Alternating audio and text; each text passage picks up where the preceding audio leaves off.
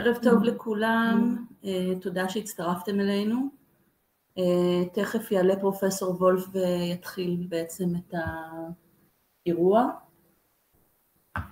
אה, אנחנו פותחים בסדרת וובינארים שמדברים על בעצם התמודדות עם סרטן בתקופת חירום, איך לשמור על שגרה, קצת נעביר גם מידע ודברים חדשים שקשורים לעולמות הסרטן. אה, זה מיועד לכל המטופלים ובני המשפחה שלהם מכל הארץ, אתם מוזמנים להפיץ את הלינק, בכוונה עשינו את זה לינק פתוח ושלא צריך אה, להירשם, כדי שכל מי שמעוניין אה, יוכל להצטרף. וזה יהיה אחת לשבוע בימי שלישי בין 6 ל-7. אם במקרה יש אזעקה באמצע של הדובר, אז אנחנו או שנעבור לדובר הבא שנמצא במקום אנחנו מקווים ללא אזעקה, או שנעשה הפסקה של כמה דקות ונחזור. בואו נקווה שתהיה לנו שעה שקטה. אז אה, אם פרופסור וולף כבר עלה ואיתנו, אה, אז אתה יכול להתחיל. אה, אם לא, אז אנחנו נחכה לו. הנה, מעבירה אליך. מצוין. כמה אנשים איתנו הערב? כרגע אנחנו כ-40, אבל כל הזמן עולים ומצטרפים, אז אה, נקווה שיהיה שקט וימשיכו להצטרף. כן, בסדר גמור, מאה אחוז. משום מה אני במסך אחר, אז אני לא רואה טוב את האנשים, אבל אני מניח שכולם איתנו, אז הכל בסדר. אז uh, ברוכים הבאים לוובינר שלנו על uh, טיפולים בסרטן במצב, לא יודע איך לקרוא לזה, לחימה, מבצע צבאי, אי שקט. אה, מה שברור שהפכנו למצב כרוני. אה, אנחנו מדברים עכשיו על, אה, לפי כל התוכניות וכל התחזיות, זאת אומרת אנחנו לא יודעים, אין לי מושג מה הולך לקרות מבחינת לחימה ממש והפצצות חס ושלום ונפגעים חס ושלום, אבל ברור לחלוטין שהמצב הזה שמוגדר כמצב חירום מתוכנן ללוות אותנו לפחות בחודשיים הקרובים. אה, למשל באוניברסיטאות קיבלנו היום הודעה שהלימודים יתחילו לכל המוקדם בחמישה בדצמבר. זאת אומרת, אף אחד לא מדבר כרגע על איזושהי חזרה לשגרה רגילה ומלאה בחודש וחצי, חודשיים, אולי גם יותר הקרובים, ואני לא אתפלא אם המצב הזה יימשך ככה, מצב של אה, אה, לא שגרה, לא חירום, בדיוק כמו שאנחנו עכשיו, עוד שלושה ארבעה חודשים. מה הכוונה לא שגרה, לא חירום? אנחנו מצד אחד לא בשגרה, אה, הרבה לא עובדים, אין בתי ספר, הרבה דברים, כמובן לא שגרה וכולנו רק אה, אה, רוצים לראות מה יקרה וכן מלחמה, לא מלחמה, כן צפון, לא צפון, אזעקה כן או לא. מצד שני, זה שגרה, אנחנו מנסים לנהל את היומיום שלנו, מנסים לעבוד רגיל, בית החולים כמובן עובד רגיל, הרבה אנשים עובדים רגיל, אני בתל אביב, אנחנו באיכילוב כמובן, יש הרבה יותר פקקים בכבישים. זאת אומרת, התרגלנו לעובדה שמדי פעם פעם ביום יומיים תהיה לנו אזעקה ונרוץ למרחב מוגן, אבל זה לא מפריע לנו בשום דבר. כל הפעילות הרגילה שלנו נמשכת, חזרנו במכון לשגרה של הרצאות לרופאים וסמינרים, הכל הכל כרגיל, פעילות מלאה. עכשיו לגבי הפעילות המלאה אני חייב להגיד כאן כמה דברים. אה, א', ברור לחלוטין שאין שום סיבה שבעולם לא לעשות טיפולים מלאים, כי, כי אנחנו שם וכולם שם, וברור לכולם גם שהסרטן לא מחכה וצריך לטפל בו, וגם זה כולנו יודעים. אה, אבל מעבר לזה, אנחנו באיכילוב מקפידים לעשות פעילות מלאה כל הזמן, מסיבה אחת נורא פשוטה. אה, חלק מהחוסן של המדינה זה מדינה שמתפקדת באופן רגיל ומלא גם במצב משונה. ולכן הכל נמשך כרגיל. המטרה היא לא להתפרק. כל המסגרות יימשכו, כל המסגרות יעבדו, כל מסגרת אזרחית תעבוד וגם הטיפולים יימשכו. ולמעשה מבחינתנו לבוא ולטפל בחולים ולבוא לתת טיפולים באשפוז יום או במכון קרינה זה חלק בלתי נפרד מהמאמץ המלחמתי. יש מי שעוזר לקטוף בדרום, יש מי שעושה דברים אחרים לטובת החברה האזרחית ויש אותנו שמטפלים בחולים והמטרה היא שכל אחד בכל פינה שלו ימשיך לעשות הכל באופן מלא. למעשה זה הדבר הכי נכון, זה ההשתתפות שלנו במלחמה. לוודא שהכל עובד כרגיל, שכל העורף עובד כרגיל, שאנחנו מתנהגים כרגיל, כי בשביל זה בעצם כל הסיפור, כי אחרת אה, למה נלחמים? אתה נלחם בשביל השגרה, בשביל להמשיך לעשות הכל. ולכן מבחינתנו זה ממש אה, סוג של ערך עליון, בטח באיכילוב, בכל איכילוב, להמשיך לטפל בכולם ולהמשיך להגיע, ואני חושב שגם המטרה של כל מי שמאזין כאן היא לבוא ולהמשיך כרגיל, כי אנחנו מנסים לשמר את השגרה עד כמה שאפשר. וזה סופר סופר סופר חשוב. כמובן גם כל מיני דחיות בטיפולים, מי שיגיד עכשיו אני ארבעה חודשים לא בא לאונקולוגיה, בסוף אחרי ארבעה חודשים זה יכול אה, להיגמר לא טוב, זה יכול באמת להסתבך ובכלל יכולה להחמיר, אבל גם אה, דחייה של שבוע-שבועיים, שום סיבה שבעולם. אנחנו ממשיכים בשגרה ומנסים לשמור על שגרה עד כמה שאפשר, גם ביומיום שלנו, ואני ממש מאמין בזה, אני חושב שחשוב ביומיום שלנו להמשיך לשמור על השגרה, לעשות פעילות גופנית, לצאת עם, ה, אה, לצאת עם הכלבה לטיול, לעשות כל מה שאפשר במסגרת המגבלות, לא להישאר בבית, לנסות לעשות חיים כמה שיותר רגילים, וחלק מהשגרה זה גם או לבוא לעבודה או לבוא לטיפולים, ממש ממש חלק מזה, וכמובן הכל, אה, הכל פתוח והכל כרגיל, הייתי אומר אפילו להפך, התורים טיפה יותר קצרים. כי אין אף רופא בחופש, אין אף רופא בחו"ל, כולם נמצאים בעבודה כי, כי אין לאן ללכת מהבחינה הזאת. אז uh, המסר הוא באמת uh, פשוט וחד משמעי, צריך לבוא, צריך להמשיך בטיפולים כי זה הדבר הנכון לעשות, גם לכולנו, גם ברמה האישית וממש גם ברמה של המדינה. אנחנו משדרים עסקים כרגיל, שום דבר לא ישבור אותנו ושום טיל דבילי מהדרום או מהצפון לא יפריע לנו לנהל את החיים שלנו כאן כמו שנכון לנהל אותם. אם נצטרך מדי פעם לעבור למרחב מוגן לכמה דקות נעבור. היום אה, נסעתי ליד איכילוב, הייתה אזעקה, ומהבית שליד קראו לי לבוא מהר להיכנס למקלט. אז אה, פוגשים אפילו אנשים חדשים במצבים המשונים האלה, אבל באמת זה לא ימנע מאיתנו להמשיך לנסוע, לעבוד, לעשות הכל. אז אה, באמת תרגישו שזה הדבר הנכון לעשות. לא רק כי אנחנו מאפשרים, אלא כי באמת זה מה שנכון. זהו, ואני אשמח אם יש איזשהן אה, שאלות או הערות או משהו כשאני עוד איתכם, בכמה דקות הקרובות בשמחה. תודה רבה פרופסור וולף, ניתן, אה, אם יש לכם שאלות אתם מוזמנים לכתוב בצ'אט, יש לכם אפשרות לשאול שאלות בחלק התחתון של המסך. אמ, טוב, אם אנחנו, אני לא רואה שיש שאלות, אז תודה רבה ונעבור לאירנה.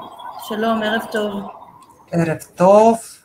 קודם כל תודה רבה לפרופסור וולף, הוא חסך את החלק הגדול ממה שרציתי לדבר, אז אין כמוהו בלהסביר מצב של המכון וגם המצב מדיני. אנחנו גם עכשיו נתפסנו בדרך לכאן בקניון עם עם המון אנשים במקלט, זה לא נעים.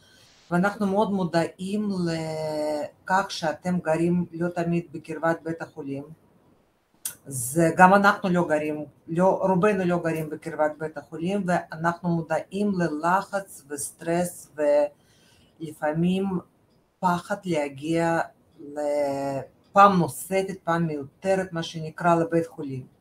לכן אנחנו לצדכם, אנחנו מבינים את זה, אם כי אנחנו עובדים באופן מלא, יש לנו שש אחיות מתאמות שנמצאות כל יום בעבודה חמישה ימים בשבוע. אם אתם צריכים לקבל הסבר, הדרכה לטיפול, בהחלט אפשר להשתמש בטלמדיסין, מה שנקרא בהדרכה טלפונית וגם דרך וידאו, כמו שעכשיו. זה יחסוך לכם מגע מיותרת ויחסוך לכם קצת לחץ נפשי כמו לכולנו. יש לנו שתי אוכלוסיות מטופלים שאנחנו נותנים מענה, מטופלים שמקבלים טיפול בכדורים, מה שנקרא טיפול פומי, שאני לא רואה סיבה, שום סיבה שבעולם שזה ייפסק. והבדיקות דם שאתם עושים בקופה ושולחים לנו למיילים ושולחים לנו לפקסים, לוואטסאפים, אנחנו נותנים מענה באופן מלא ויש לנו עוד אוכלוסייה שמקבלת טיפול שזה טיפול ורידי, או באשפוז או באשפוז יום, כפי שאמר פרופסור וולף, אין שינוי כרגע, נקווה שככה זה יימשך לטובת כולנו, שהטיפול יימשכו כסדרה. אני גם מבינה שיש הרבה שאלות. פתאום שאלות מתעוררות בשעות לא שגרתיות של יום, אם כן יש פעילות, אין פעילות, כן לבוא, לא לבוא. א', אני ממש מבקשת מכם להשתמש בטלפון של מוקד אונקולוגי, שהוא פעיל בשעות ערב בין 6 ל-11 בלילה, שאפשר לצלצל ולקבל מענה בימי חול על כל שאלה, וגם אני לפעמים עושה מוקד ואני שומעת המון שאלות, שזה לא לאו דווקא שאלות על תופעות לוואי והתמודדות עם מחלה, אלה שאלות ארגוניות. אני פוחד להגיע, האם אתם יכולים לעזור, להעביר תור פרונטלי עם רופא או עם אחות לתור ויזואלי, אנחנו לגמרי איתכם ניתן מענה מלא. גם לגבי התקשורת עם אחיות מתאמות, ובכלל באופן כללי, אנחנו לא תמיד זמינות באותו רגע לענות לטלפון, כי אם אנחנו נמצאות בהדרכה, ובטח אם זו הדרכה טלפונית, או יצאנו לראות מטופל מחוץ למרפאה, אז למעשה אין מענה.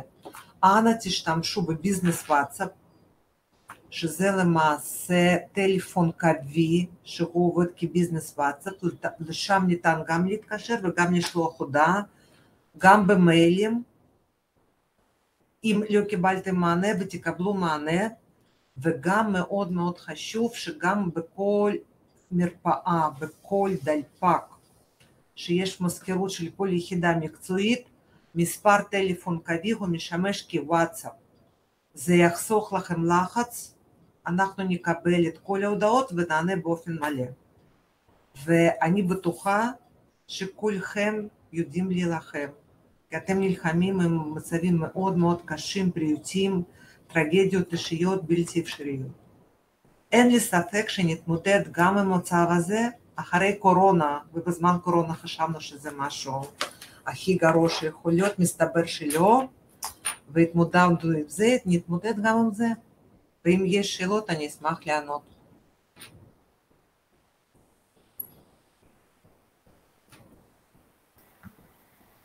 אה, קודם כל, המספר, מישהו ביקש פה של המוקד, אז אני אתן את הטלפון. אני יכולה, אני יכולה, אני יכולה לענות פה, אני יכולה להציג אותו פשוט כאן.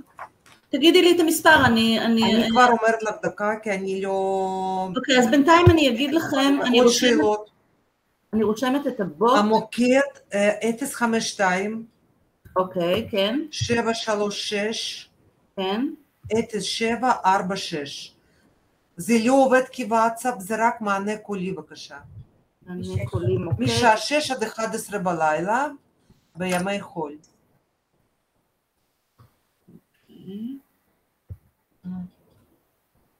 אני שולחת פה, אתם יכולים לראות את זה, ויש לנו גם משהו שנקרא הבוט של אה, אשפוז יום, ששם גם יש אנשים, שזה בעצם בוט אה, אה, דיגיטלי, שהוא מספר טלפון, שאתם יכולים שם דרך וואטסאפ לשלוח שאלות ויענו לכם, לפי ההנחיות שהבוט נותן, אני רושמת את המספר פה. תודה יעל. בבקשה, אז לכל מי שמעוניין, אז יש לכם...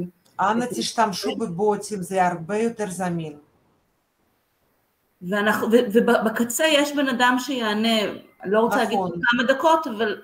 אבל תוך יום עבודה תקבלו מענה, בדרך כלל כן. זה הרבה יותר מהיר. הנה, ממש... אם אני לא בחדר והלכתי לראות מטופל, אני גם לא יודעת שהתקשרתם אליי. לכן תשתמשו בבוטים. זהו, אנחנו, אם, אם אין שאלות... תודה רבה לכולכם ותהיו בריאים. תודה רבה אירנה. אנחנו איתכם ואנחנו מרגישות בדיוק מה שאתם מרגישים.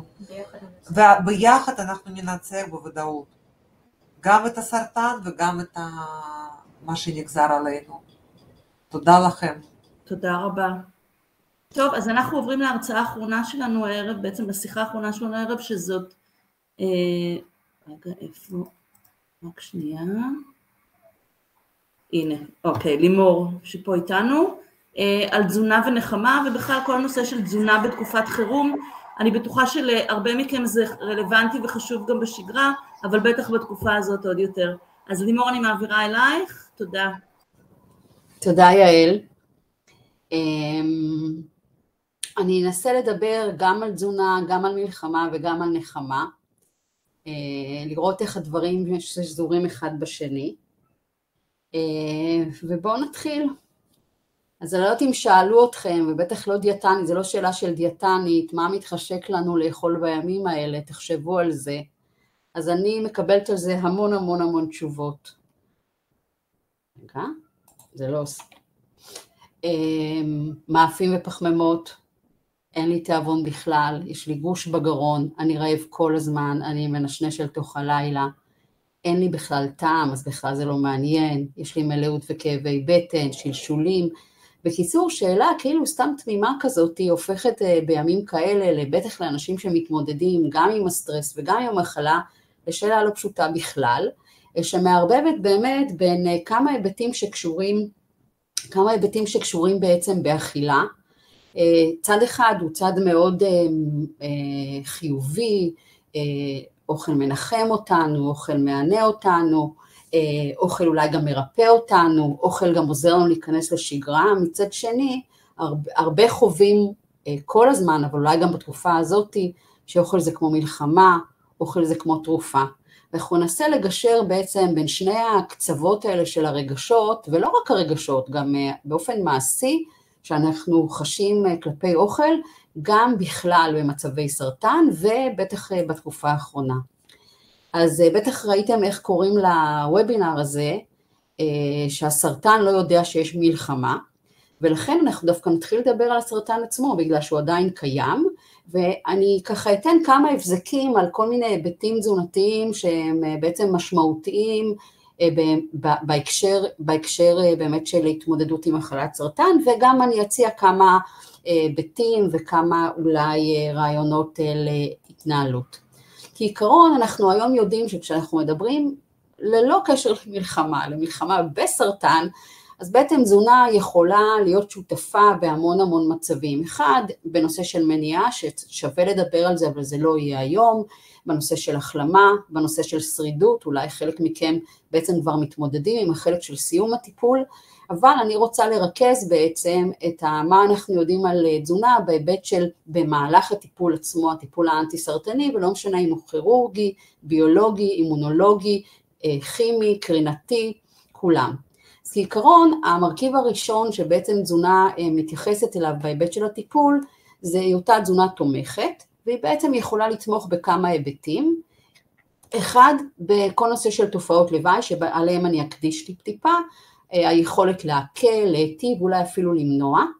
שתיים, הנושא של אה, תזונה תומכת באיכות חיים, בנושא של תפקוד, בנושא של הרגשה טובה, אבל גם היום אנחנו יודעים שתזונה היא קצת יכולה גם לתמוך בנושא הזה של תוצאות הטיפול, בגלל שיש קשרים בין אה, התזונה והמצב התזונתי והיכולת בעצם לסבול או להעלות את הסבילות לטיפול וכתוצאה מזה את השרידות.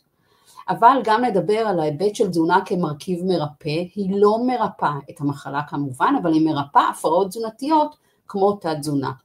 ויש גם עוד דברים. אז אני על שני ההיבטים האלה אביא כמה התייחסויות שהן בחלקם כמובן אנחנו אמורים לתרגם באמת אה, להמלצות תזונתיות. אני אתחיל עם ההיבט שתמיד אה, ככה תזונה נחשבה בהיבט של סרטן, וזה הנושא של תמיכה בתופעות לוואי, תמיכה זה אומר ממניעה עד הטבה קלה, אה, ומגוון תופעות הלוואי, אה, ואני עוד לא מדברת על מה שהצטרף אלינו כתוצאה מהסטרס, הוא בהחלט לא קטן, למרות שנכון להיום הגישה של טיפול פרואקטיבי מונע, גם בהיבט התזונתי אבל בעיקר בהיבט התרופתי הוא נורא חשוב, אבל חשוב שתדעו שיש בעצם המלצות למצבים השונים, אז לדוגמה במצב של בחילות והקאות, במצב של שלשולים, במצב של חוסר תיאבון. אז לדוגמה בבחילות והקאות אנחנו מדברים על לאכול ארוחות לעתים, קטנות לעיתים קרובות, זה מקטין בעצם את המלאות שמגבירה בעצם את הבחילה, להימנע ממזונות שמנים ומטוגנים ששוהים יותר זמן בקיבה, לפעמים מזון קר שאיננו בעל ריח מקטין את הנושא של הבחילה, מנות קטנות, לאכול בישיבה, להימנע מאכילה מיד אחרי הטיפולים, בנושא של שלשולים, שוב, אה, טיפול מונע היום תרופתי הוא מאוד משמעותי, אבל אנחנו בהחלט מצרפים לזה גם המלצות תזונתיות. המרכיב העיקרי זה כמובן לא להיות מיובשים, לאכול ארוחות קטנות, לעיתים אנחנו נגביל בסיבים תזונתיים, כלומר בעיקר בירקות טריים, פירות טריים, לפעמים נמעיט בקפה שמגביר בעצם במידה מסוימת את התנועתיות ויש אנשים שזה מגביר אצלם השלשולים, אה, ובמקרים של רגישות ללקטוז אנחנו נמעיט במוצרי חלב. חוסר תיאבון זה משהו שגם תכף נתחבר אליו בהיבט של הסטרס, זה בהחלט מלווה, אולי זה מרכיב משמעותי בהרבה מאוד מהטיפולים, ואז אנחנו מנסים אה, לנשנש ארוחות קטנות, אפילו לא ארוחות, ממש נשנושים קטנים, אה, לנסות מזונות חדשים שגורמים איזשהי רצון בעצם לנסות, אה, לאכול בחברה נעימה ואהובה, זה ממש הרבה מאוד מחקרים שמראים שכשאנחנו אוכלים ביחד ונעים לנו, אנחנו אוכלים יותר, אה, לאכול בחלונות, חלונות זה אומר שכשיש יותר תיאבון, אוקיי? שם אני שם את הארוחה הגדולה. אם זה בבוקר, אז אולי הארוחה הגדולה ביותר הופכת להיות ארוחת בוקר, אה, נשנושים בריאים כדי לא סתם לנשנש דברים שלא מזינים, וגם עזרה בהכנה של מזון, בעיקר כי חוסר תיאבון גם אה, נקשר לתשישות ולעייפות.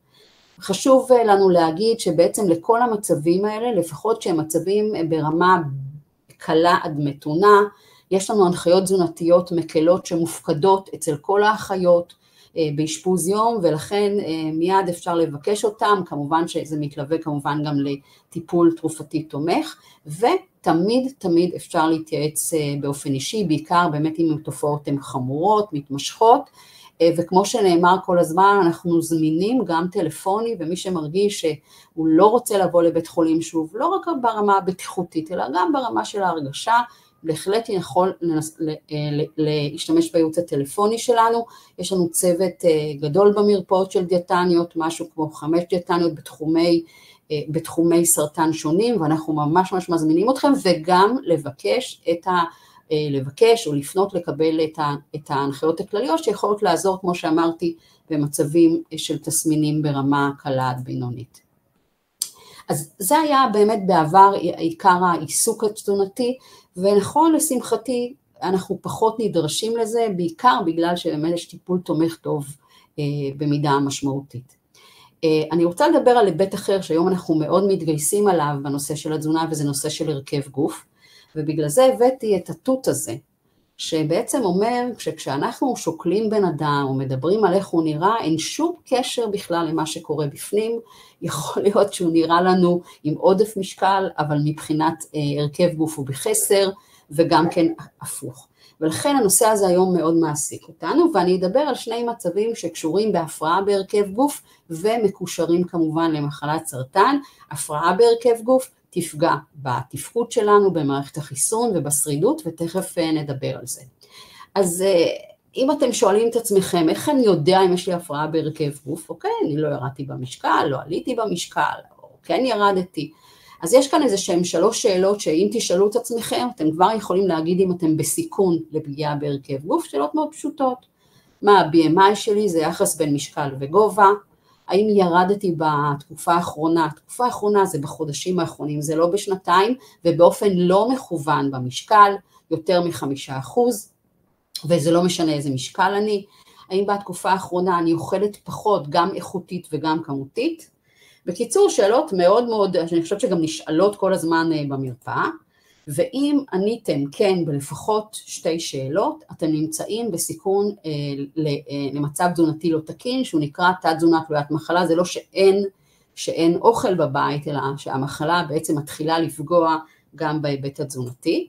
והיום אנחנו מדברים בעצם אה, שלמרות שיש לנו טיפולים מצוינים וגם אנשים נמצאים בבסיס במצב תזונתי מצוין, אז גם המחלה עצמה, גם מבחינת סוג הסרטן, המיקום שלו והשלב וגם הטיפולים, הם מורידים את צריכת המזון, הם, הם לפעמים אפילו מעלים את צריכת המזון, אבל בסופו של דבר יכולים לפגוע במצב התזונתי, ואני רוצה להדגים לדוגמה את אחת השאלות שאתם צריכות, צריכים לשאול את עצמכם, האם ירדתם חמישה אחוז במשקל שלכם, אם ירדתם באופן לא יזום ולא משנה עם איזשהו משקל, יש לכם כבר תשובה אחת גדולה לכן אתם בסיכון, ואני מדגימה את זה במין משקלים כאלה שהם משקלים שאתה לא נלחץ עליהם.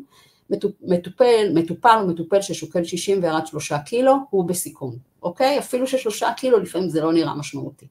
אז זה בעצם הדרך שלנו, האישית דרך אגב, אם אתם עונים על השאלות האלה והתשובה היא כן, אז אתם במצב סיכון תזונתי וכדאי מאוד מאוד לפנות אלינו לקבל אה, הדרכה. אז זה בהיבט הזה. מה שחשוב להגיד זה שהמצב הזה אה, הוא מצב ששכיח בכמעט בכל סוגי הסרטן, גם סרטנים שהם לא מאוד מאוד אלימים מבחינה תזונתית, אתם יכולים לראות 21 אחוז בקרב מטופלות עם סרטן שד בתת תזונה, ושוב, תת תזונה זה לא תת משקל, אוקיי? זאת אומרת, יכול להיות עדיין שאני נמצאת בעודף משקל, אבל אני נמצאת בסיכון לתת תזונה. וזה מבחינתנו, ואני רוצה להסביר למה, בעל השלכות לא רק על, על ההיבט של סוכר או לחץ דם וכדומה, אלא בעל השלכות על הסבילות לטיפול, היעילות של הטיפול וכתוצאה מזה היכולת בעצם לסבול אותו. אנחנו יכולים לראות כאן אה, אנשים שירדו חמישה אחוז והם בסיכון לתת תזונה ובעצם השלכות שלהם על, על, על uh, הטוקסיות של הטיפול, על איכות החיים והשרידות, תסתכלו במקרה הזה זה שרידות, במקרה הזה סרטן גניקו-אונקולוגי שזה ההתמחות שלי, אתם יכולים לראות כמה השרידות אה, אה, אה, יורדת כאשר יש כאן תת תזונה ולכן אישה גבר שירד חמישה אחוז באופן לא מכוון, גם אם זה יותר קל לו כי הוא סבל מעודף משקל, מבחינתנו גורם סיכון. וחשוב להגיד, בגורם הסיכון הזה אין אפליות. זאת אומרת, הוא יכול להתרחש בכל משקל, בכל, בכל, אה, אה, בכל אה, מצב גוף, ולכן לא, לא להתבלבל עם המופע החיצוני שכאילו נראה לנו שהבן אדם הזה, אוקיי, יש לו עוד הרבה מאוד רזרבות, זה בהחלט לא נכון במחלה הזאת. אמ, מה עושים? אז בעיקר באמת פונים לייעוץ, אבל מנסים להגדיל את כמות הקלוריות, כמות של קלוריות איכותית, אוקיי? זאת אומרת גם אדם בעודף משקל, איכותית, אנחנו בוחרים שמנים טובים, אנחנו מקפידים להגדיל את החלבון, אנחנו מעשירים את המזון ואנחנו מאוד ממליצים להתייעץ עם דיאטנית, לפעמים זה ייעוץ אחד שמכוון אותך ובעצם שומר לא להידרדר למצב, אה, ממצב של סיכון למצב של תת תזונה אמיתי. מה שמאוד משנה, מאוד מאוד מעניין אותנו בשנים האחרונות זה לא המשקל, אוקיי? אלא איזה רקמה בעצם נפגעת או איזה מרכיב בגוף נפגע כתוצאה מהירידה במשקל או מהמחלה עצמה או מהטיפול. והיום מדברים על מסת השריר. עכשיו מסת השריר נראה לנו זה רק עניין של ספורטאים, זה נהיה, נהיה רק עניין של מרתוניסטים, תדעו לכם שכולכם מרתוניסטים, כי כולכם שנים, אה, שנים, חודשים ארוכים תתמודדו עם טיפול מאוד אינטנסיבי שפוגע בשריר. לשריר יש היום קשר לקוגניציה, יש קשר לתפקוד, לאיכות חיים ואפילו למערכת החיסון. ולכן פגיעה כזאת היא פגיעה לא רצויה. ואני רוצה להראות לכם איך טיפול מרפא יכול להשפיע על מסת השריר. היום אנחנו בודקים את מסת השריר בכל מיני אמצעים, אם תבואו לדיאטניות שלנו, הן מעלות אתכם על מכשיר מיוחד שנקרא ביואימפידנס, שבודק בעצם את אחוז השומן, אבל אני רוצה להראות לכם איך אנחנו מעריכים את הפגיעה במסת השריר באמצעות CT שכולכם עושים באופן קבוע. במקרה הזה זה CT שמסתכלים על אזור מסוים, אבל זה לא ממש משנה. אז תראו, במקרה הזאת זה אישה, אוקיי? אמרתי לכם, אני, ההתמחות שלי היא סרטן גניקו-אונקולוגי, לפני הניתוח. החלק האדום מסביב זה מסת השריר שלה. תראו מה קרה אחרי ניתוח, אוקיי? תסתכלו באזור הזה, מסת השריר שלה ירדה מאוד. תסתכלו מאחרי שלושה חודשים של הקרנות, תסתכלו כל מסת השריר ירדה עוד יותר. זאת אומרת, האישה הזאת לא ירדה במשקל, אבל האישה הזאת היא בעצם פירקה או איבדה את מסת השריר לטובת מסת שומן, דבר שבהחלט הוא לא רק יתבטא בעייפות וירידה בתפקוד, כמו שאמרתי לכם, גם בהיבט החיסוני וגם בהיבט של סבילות לטיפול. ולכן אנחנו מאוד מאוד היום דואגים לזה, מצב של פגיעה משמעותית נקרא סרקופניה, אה, וכמו שאמרנו יש לו השלכות שליליות, והיום אנחנו יודעים בעצם איך לנסות לתמוך בשריר ולעזור כמיטב אה, יכולתנו למנוע את הפגיעה הזאתי. הפירמידה הזאת היא פירמידה שיכולתי לקחת אותה להרצאה על ספורטאים, היא בדיוק אותו דבר, היא מדברת על פעילות גופנית, ללא פעילות גופנית זה לא משנה מה שנעשה בתזונה, פעילות שאפשר לעשות גם, בת, גם עכשיו בטילים וגם במלחמה, כי כולה צריך לשבת על כיסא ולעשות פעילות של התנגדות, לאכול יותר חלבון, לרכז את החלבון, לשלב עם ירקות. בקיצור, יש לנו עבודת שריר מאוד מאוד טובה, ואני בהחלט חושבת שזו משימה מאוד משמעותית עכשיו, כי הרבה מאיתנו אה, פחות פעילים אה, ויושבים יותר בבית, וזה בטח לא עושה טוב לשריר. אז זה ככה על ההיבט שהוא היבט שקשור בסרטן והוא בכלל לא קשור אה, למצב הנוכחי. אה, אם אתם שואלים אותי כמה חלבון, אז הרבה הרבה יותר, ונתתי כאן דוגמה, אישה ששוקלת 68 קילוגרם, אנחנו ממליצים לפי כמות בגרם של חלבון לקילוגרם, ההמלצה היא בערך 1.2, היא צריכה 82 גרם חלבון ואני שולחת אותה לאכול את המזונות האלה ותראו שזה לא פשוט ולכן אנחנו מאוד מאוד ממליצים לבוא ולבנות איתנו תוכנית שגם מתייחסת להיבט הזה. אז זה חלק שכמו שאמרתי מתייחס וזה חלק שאנחנו תמיד נדבר עליו, כמובן שלכל סוג סרטן יש התייחסות ספציפית, תמיד נדבר עליו בשגרה, אוקיי? אה, זה נהיה קצת יותר מורכב כשאנחנו מכניסים את כל הנושא של, אני, אני לא קראתי לזה חירום, אני קראתי לזה סטרס, אה, וכמו שאמרנו שהסרטן לא יודע שיש מלחמה, אז הסטרס לא מתחשב בסרטן. גם אם הוא יודע שיש סרטן, הוא ממש ממש לא מתחשב מבחינה הורמונלית, הוא בטח מתערבב שמה, ובואו נראה קצת מה אנחנו יודעים על נושא של תזונה במצבים של סטרס. אז כעיקרון, מתח או סטרס זה בעצם איזשהו אתגר, אוקיי? זה גירוי שגורם לאתגר, שמשנה את שיווי המשקל של האדם. עכשיו, האדם יודע להסתדר מצוין גם במצבים האלה, תזכרו, היה אדם קדמון, היו לו ממוטות, היו לו דינוזאורים, ולכן הוא עושה כל מיני תהליכים פיזיולוגיים שהמטרה שלהם לעזור לו להתמודד עם השינוי הזה עם שיוו, כדי להחזיר את עצמו לשיווי משקל. ואחד הדברים שהכי מושפע, תזכרו, זה הנושא של התנהג, התנהגות האכילה. מכיוון שאם הגוף צריך לרוץ מהר, אז הוא ישחרר הרבה, שר... הרבה אה, סוכר, אוקיי? ולכן בעצם תמיד סטרס קשור לאיזשהי היבט של התנהגות אכילה, זה משהו שהוא פיזיולוגי, אבל יוצר הפרעה אם אנחנו בעצם לא יודעים להתנהל עם זה, אוקיי? עכשיו, איך מגיבים לסטרס? בדיוק כמו הביצים האלה. כל אחת מגיבה אחרת לגמרי, אבל נדבר קצת או ננסה להסביר קצת דברים שאתם מרגישים. אני לדוגמה, איך ידעתי שאני בסטרס? פתאום היה לי שינוי בטעם בפה. הרגשתי, זה מופרש קורטיזול, הרגשתי אותו בפה, פתאום איזה משהו היה ברור לי שקורה לי. אה, כמו שאמרתי, יש תגובות פיזיולוגיות אה, מאוד מאוד משמעותיות.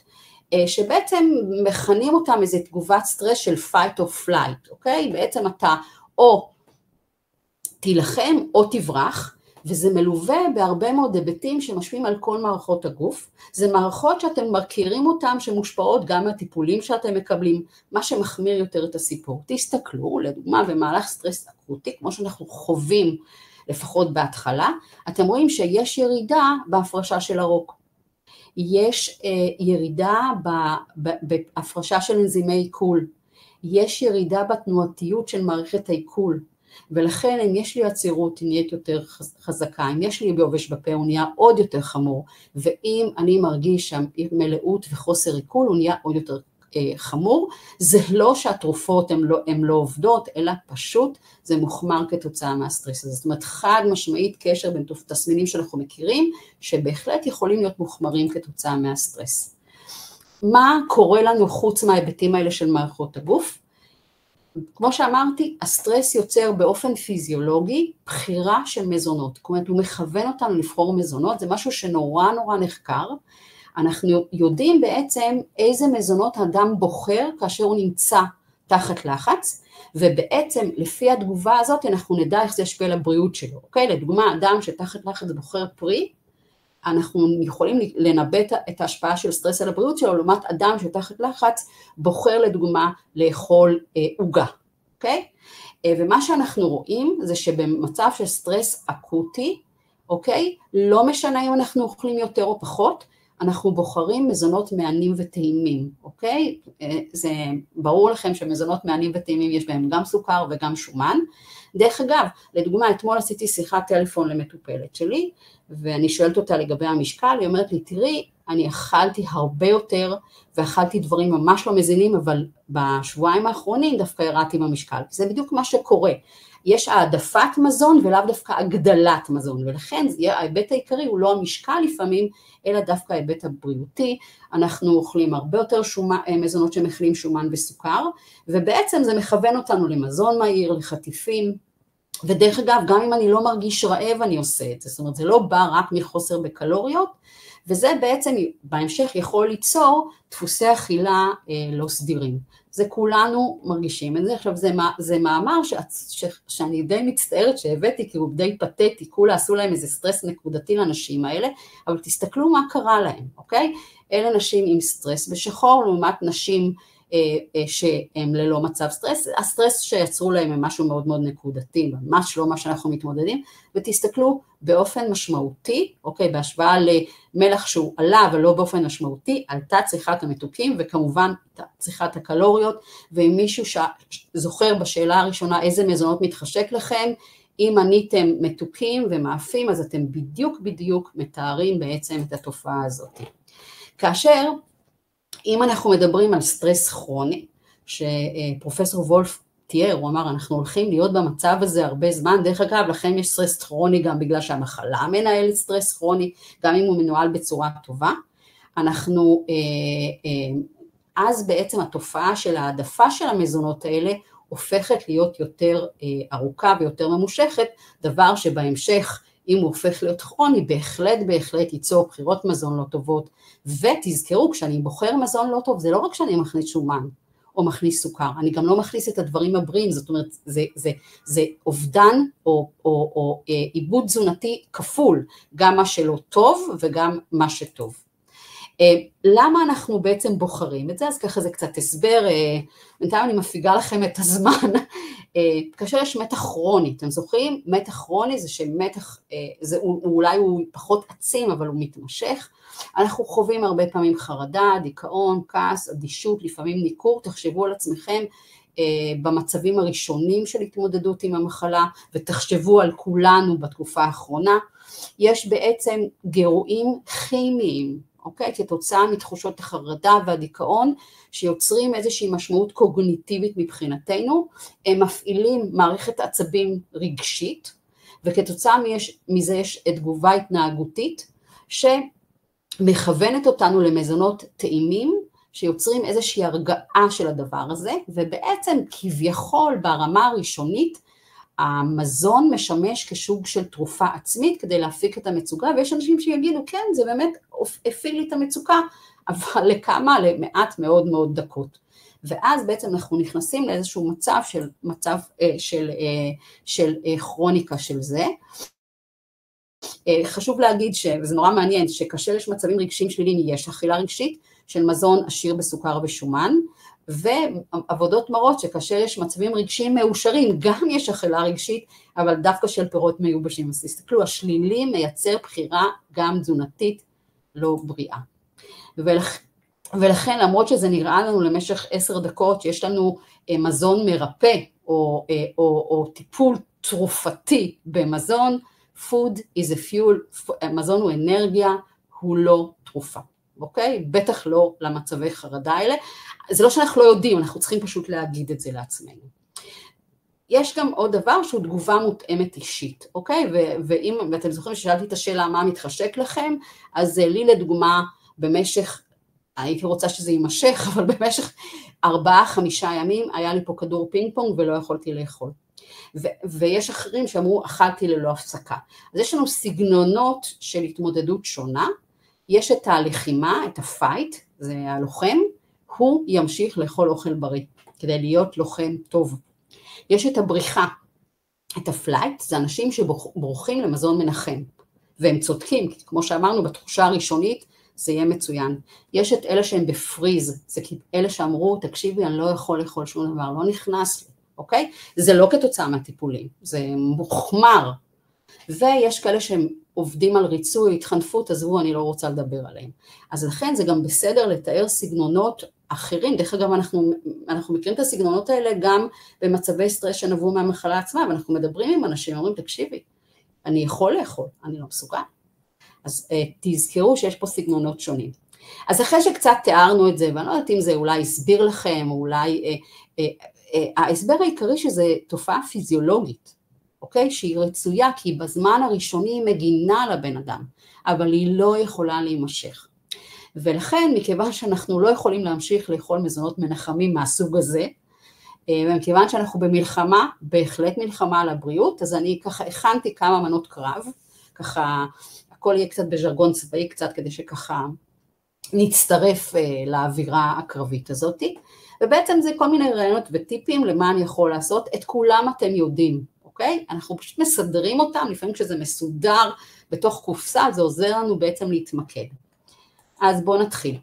ככה נראות מנות הקרב שלנו, אוקיי? למרות שיכולתי לשים פה ואני אשים פה באחד מהטיפים שלנו גם קופסאות שימורים וכדומה. אז בואו נתחיל בקרב סכינים, אוקיי? נשמע רע מאוד בתקופה הזאת ובאמת שמענו דברים נוראים, אבל אני דווקא רוצה לקחת את זה למשהו נורא נורא מעניין. אה, מחקרים מראים שכאשר יש סטרס ואנחנו נכנסים למטבח ומבצעים פעולות בישול מאוד מאוד פשוטות ורוטיניות, כמו לחתוך, לערבב, בעצם נוצר במוח איזשהו היבט אה, של הפרשה של חומרים שבעצם מטפלת בסטרס, אוקיי? זאת אומרת שאם יש לכם סטרס, תלכו לחתוך, תלכו לקצוץ, תלכו, אה, מי שכמובן מסוגל לעשות את זה. אה, בהחלט, יש היום ממש הרבה מאוד עבודות שמראות שזה דרך טיפולית אוקיי? להפיג סטרס, וכתוצאה מזה כולנו נהיינו מאסטר שף, כולנו אופים עוגיות. כנראה שזה לא רק עבור החיילים, כנראה שגם בשבילנו זה עושה קצת טוב. אז בהחלט, בהחלט אה, לעשות את זה. עוד דבר זה נושא של מסדר בוקר, אני קראתי לזה מסדר בוקר, וזה נושא של ארוחת הבוקר. אני חושבת שזה נושא שעולה כל הזמן. אה, היום הוא עולה בהיבט של שעונים, שעונים ביולוגיים, בהיבט של שמירה על השריר, בהיבט של אה, אינסולין, ארוחת הבוקר היא ארוחה סופר חשובה.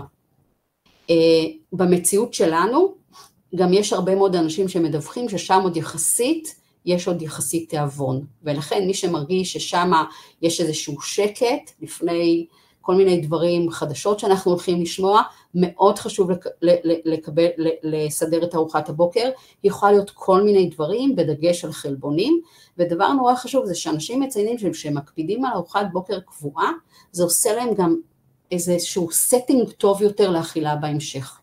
אז אם מישהו מרגיש שהוא לא יכול לשפר את כל, את כל הבלגן והכאוס הזה שיש לו, בואו נתחיל מארוחה אחת, אני מציעה שזה תהיה ארוחת הבוקר, אוקיי? הכינותי מראש.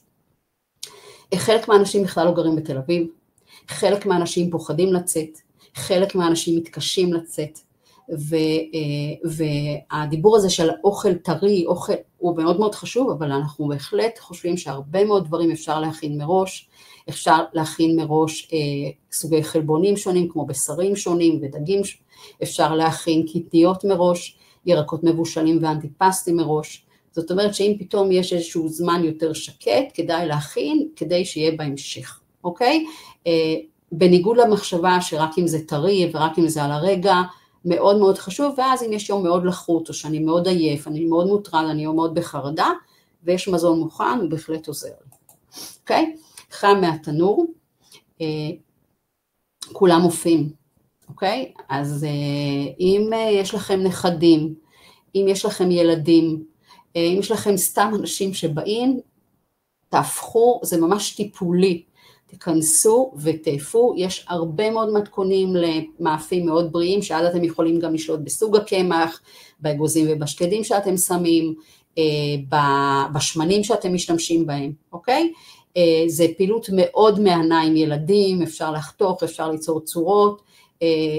הקורונה הפכה את כולנו למאסטר שף, ואני חושבת שזה הביע איזשהו היבט טיפולי, הרבה פעמים גם כשאתה מכין אז אתה גם קצת אוכל.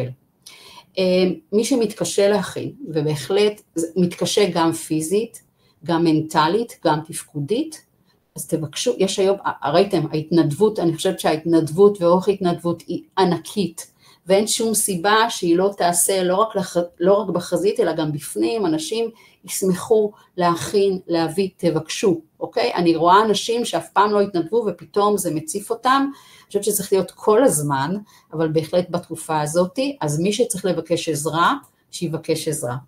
אתם יודעים שהצבא צועד על קיבתו, ואחד מהדברים הכי משמעותיים להפגת סטרס, אחד מהדברים הכי משמעותיים שמכוון גם בסופו של דבר על האכילה אה, נכונה, ששומר על השריר, זה הנושא של תנועה.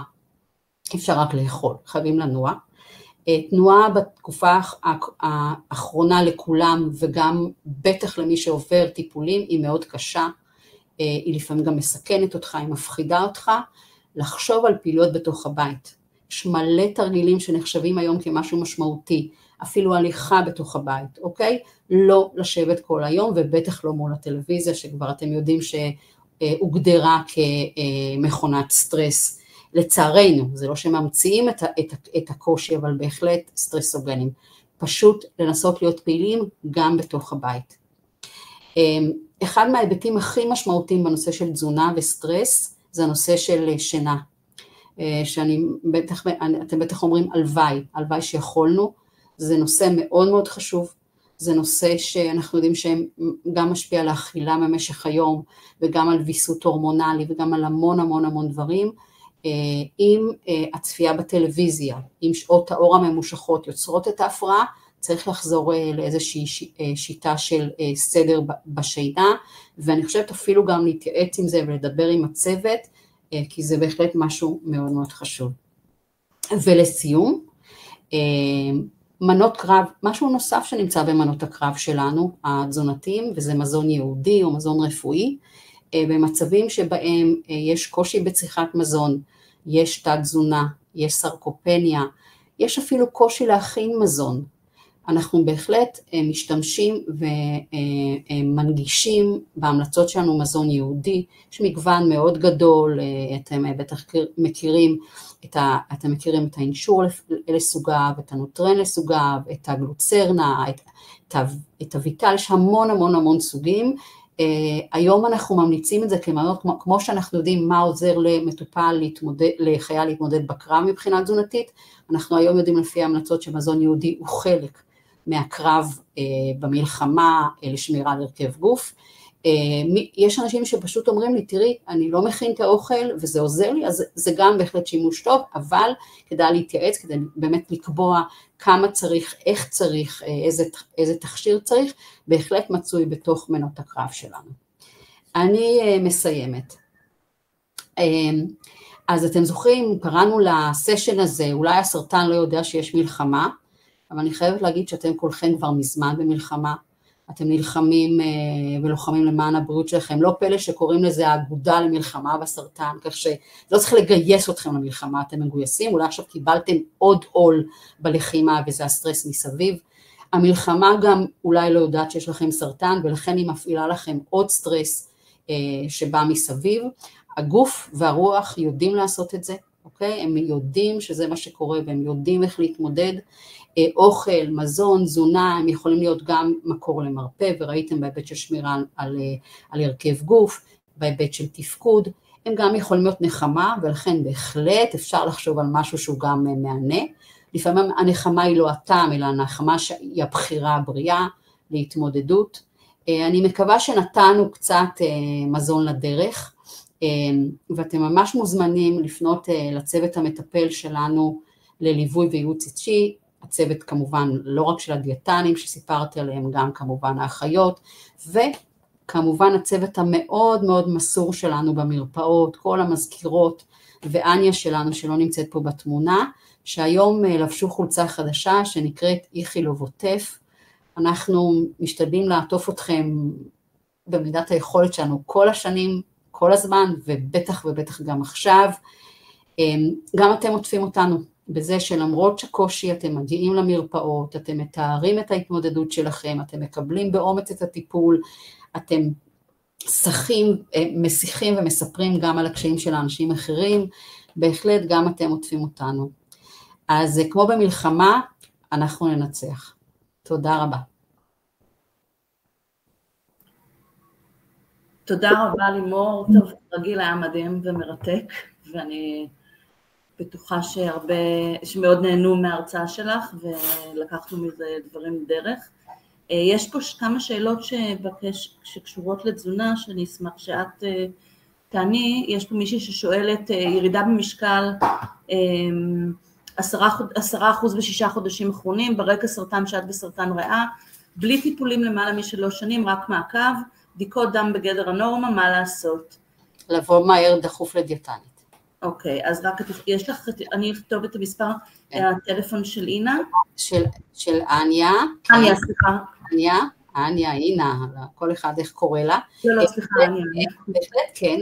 אז קודם כל, זה שזה לא רצוני אז זה כבר משמעותי, זה לא חייב להיות עקב טיפול, אוקיי? זה יכול באמת להיות עקב כל מיני דברים שלא מצליחים בעצם להחזיר את עצמם. אה, לפעמים העניין הוא לא יהיה רק עלייה במשקל כדי לתקן את זה, אלא בעיקר, כמו שאמרנו, שמירה, נושא של מסת השריר, שיקום וכדומה. בהחלט סיבה טובה לבוא. אני, שתדעו שהרבה פעמים השיקום התזונתי הוא קורה אחרי הטיפולים, אוקיי? מישהו אומר, טוב, אני אחרי הטיפולים, לא, דווקא זה הזמן המצוין, במיוחד שעכשיו יש גם יותר פוטנציאל, גם מבחינה גופנית, גם מבחינה תפקודית, לעשות את השיקום הזה. אז אם את יכולה לתת לי את הטלפון שלה? את זוכרת את המספר?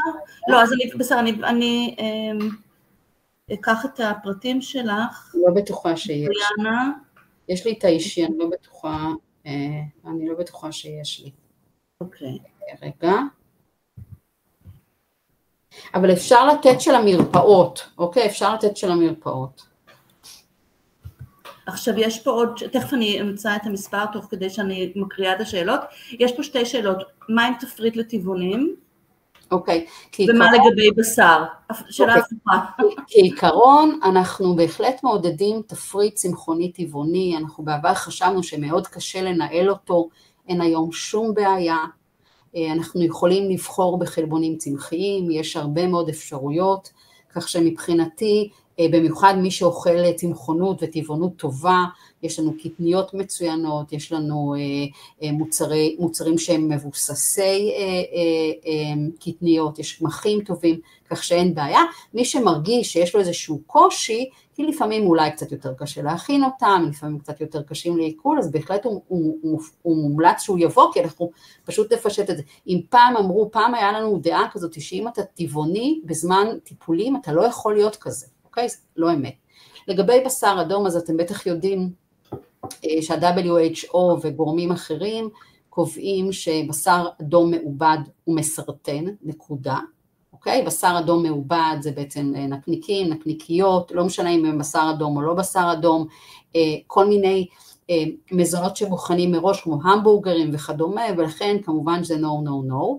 בעבר בעולמות שבהם לא היה טיפול אפקטיבי לאנמיה, אז באמת הבקר והכבד נתנו את הפתרון, היום אנחנו ממש ממש לא צריכים את זה, ולכן אני ממליצה על בקר, כי בן אדם אומר נורא מתחשק לי, אתם זוכרים, אמרנו תאכלו דברים שמתחשק לכם, אבל לא בהיבט, התזונתי, אנחנו, ההמלצה של, של ארגון הבריאות הבינלאומי היא משהו כמו, אני יודעת מה, 150 גרם לחודש, זה מנות ממש ממש קטנות, אבל אני חושבת שזה דיון אישי, כי כשאנשים אולי אה, אוכלים מאוד מעט חלבונים, אז אפשר מדי פעם גם להגדיל את זה.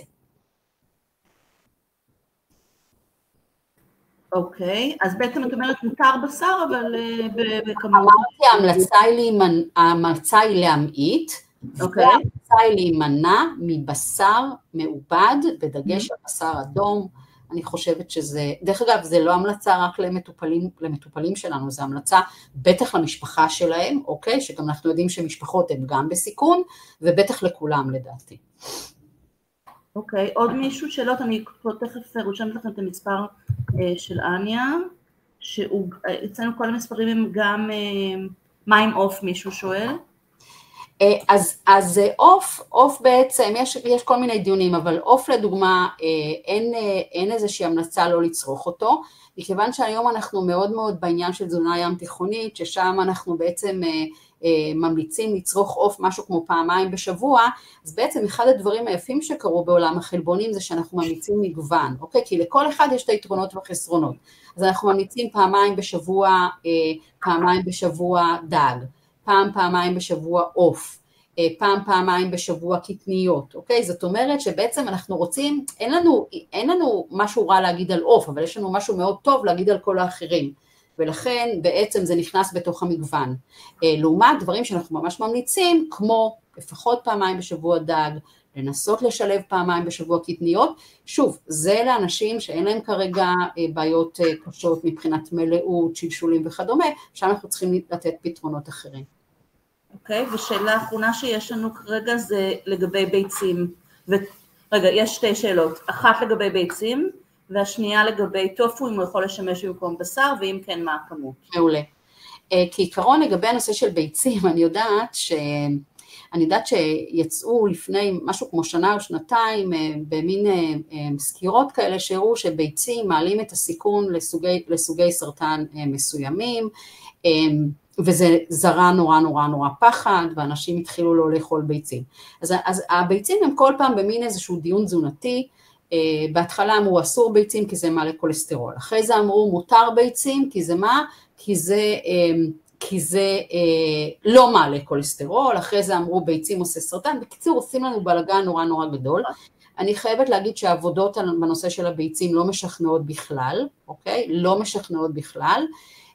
זה עבודות שבעצם לא מתייחסות אם אנשים שאוכלים גם ביצים, אז מה הם אוכלים את זה, האם הם אוכלים דברים אחרים שאולי הם הגורם, אתה יכול גם לאכול ביצים לא בתור ביצה, אתה יכול לאכול גם ביצים במאפה של בצקלים, או... בקיצור, אנחנו לא סוברים את זה, אנחנו משתמשים בהיבט הטיפולי בביצים ככלי להשיג חלבונים מאוד מאוד טובים, אבל אני חייבת להגיד, כשמישהו אומר לי, תראי, אני קראתי והשתכנעתי, אני לא מתווכחת איתו. מסיבה נורא פשוטה, אנחנו לא בעולם של תת תזונה, ויש לי פתרונות מצוינים לחלבונים אחרים, כך שאם מישהו בא עם איזשהו, את יודע, אתם יודעים, איזשהו עמדה, אני אפילו לא מתווכחת איתו, כי יש לי פתרונות אחרים, ולכן מי שמרגיש שהוא משתכנע, אנחנו נמצא לו חלבונים אחרים, מה שאלו, מה שאלו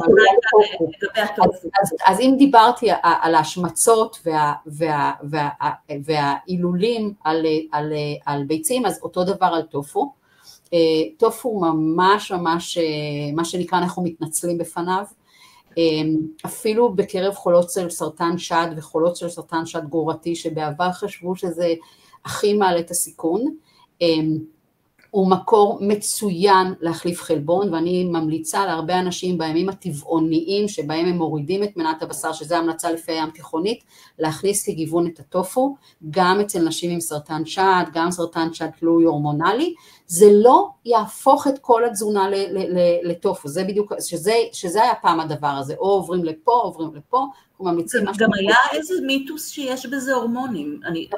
אז לא, אז כעיקרון אין בזה הורמונים, יש בזה רכיבים שנקראים פיטואסטרוגנים, פיטואסטרוגנים זה בעצם אה, רכיב צמחי שנוצר, אה, שקיים בסויה, שיש לו מבנה מאוד דומה לאסטרוגן, אוקיי? מאוד מאוד דומה, אבל הרבה יותר חלש.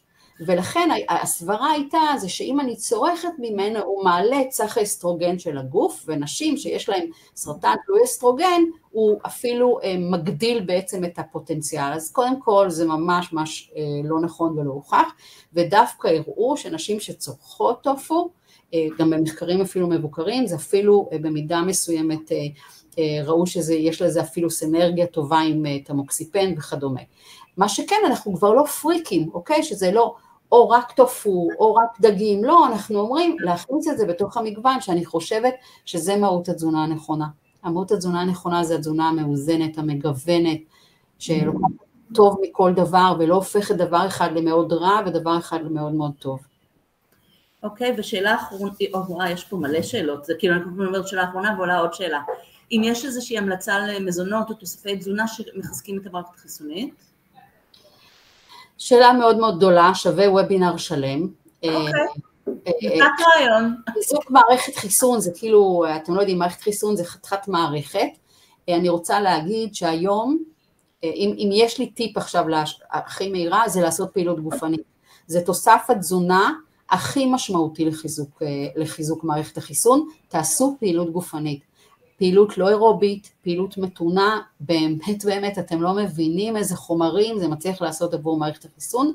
תוספים באופן רגיל, איזו שאלה באמת מאוד, מאוד גדולה ואני מתקשה לענות עליה, במסגרת הטיפול המותאם אישי, הייעוץ אישי, אנחנו נתאים תוספים לבן אדם לפי מצבי הסיכון שלו, הבדיקות שלו, התזונה שלו. אוקיי, ועכשיו באמת שאלה אחרונה ובזה אנחנו נסיים. מישהו פה שואל, סרטן רחם גרורתי, מישהי שואלת, סרטן רחם גרורתי, האם טוב לעבור לאוכל צמחוני מלא? אין בעיה. אוקיי. אני לא אגיד שזה מומלץ, אוקיי? כי אמרתי שאנחנו רוצים תזונה שהיא. לכיוון צמחונית, אין בעיה, אוקיי? צריך כמובן להתאים את זה כדי שזה יענה על כל הדרישות. אני חושבת שאם בן אדם נמצא עכשיו באיזשהו מצב תזונתי לא טוב, או מה שאני קוראת תת-תזונה, זה לא בדיוק הזמן לעבור לעשות משהו קיצוני, אבל בהחלט, בהחלט אפשר אה, לעשות את זה. אין לזה יתרון אה, אה, מיידי, אבל יש לזה יתרון בהרבה מאוד תפיסות שאנחנו מכירים, של תפקוד, איכות חיים. המחקרים שבהם זה ממש ממש מרפא, תהליכים זה באמת בתזונה טבעונית מאוד מאוד קיצונית, שאני לא חושבת ש... מי ששאלה מתכוונת לזה. ושוב, כל מי שבמצב תזונתי תקין, אפשר לעשות לו שינויים בתזונה, בגישה וכדומה. מישהו במצב תזונתי לא תקין, זה לא הזמן לעשות שינויים. דרמה. מה שעניין אותי כשאת דיברת על, על אוכל אה, כמו אינשור, זה רק בהמלצת אה, תזונאית קלינית. תראי, אני, אני רוצה להגיד, אני, אני, אני מפרסמת את המספר טלפון של אניה וכולם בטח מצפים שיתקשרו ומחר יהיה להם תור, לצערי לפעמים מגיעים אחרי הרבה מאוד זמן לדיאטנית. וזה אומר לדוגמה שמי שיורד במשקל, אה, הוא ירד במשקל עוד עד שהוא יגיע, אלה מצבים שאנחנו חושבים שאם תהיה המלצה ראשונית של הצוות שמאתר כבר בן אדם בסיכון והוא לא יכול להגיע מהר, להציע כבר כעזרה ראשונה את המזון היהודי ולהגיד להגיע כמה שיותר מלא דיאטנית שתתאים את כל הדברים. אני אומרת את זה מהמקום של החסר, לא מהמקום של ההמלצה. כן. כן שאין ברירה. אני, לא, עזרה ראשונה, זה לא אין ברירה. עזרה ראשונה, אוקיי. זה לא, זה לא אין ברירה. אני מעדיפה שאם הוא המתין לי חודש וחצי והוא כבר ירד במשקל, שהוא כבר יגיע עם איזושהי עזרה ראשונה, הוא לא צריך לדמם לי תזונתית, אוקיי? זה הדעה שלי, לא כל הדיאטנות חושבות את זה, יש דיאטנות שמאוד מאוד, ולכן אם רופא המשפחה ימליץ, אם האחות תמליץ, אם האחות המתאמת, אפילו חברה, אוקיי? שאומרת, תקשיבי, אני זוכרת, אני לא כועסת, אני פשוט, כשהוא מגיע, אני עושה את ההתאמה האישית של האם נבחר תוסף נכון, האם הוא נצטרך בצורה נכונה, האם זה הכמות שהוא צריך, אוקיי? אבל זה הגישה, זה הגישה שלי, יש דיאטניות שחושבות שזה צריך להיות מה שנקרא אה, כמו, כמו אה, דוקטור אורדר, דיאטישן אורדר, אני פחות אה, מרגישה שבתנאים של זמינות אני יכולה לעכב טיפול שיכול אולי אה, אה, לעזור. טוב, לימור, שוב המון המון תודה, תודה לכולכם שהייתם איתנו אה, ושיהיה המשך ערב שקט. להתראות בשלישי הבא, ביי.